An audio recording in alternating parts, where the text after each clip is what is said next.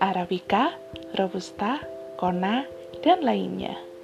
Manis atau pahit, instan atau racikan sendiri, diaduk dengan sendok atau bungkus kopi. Menikmatinya di pagi atau senja hari. Aku yakin kita semua punya cara tersendiri untuk menikmati secangkir kopi. Begitu juga dengan kehidupan yang penuh dengan pilihan.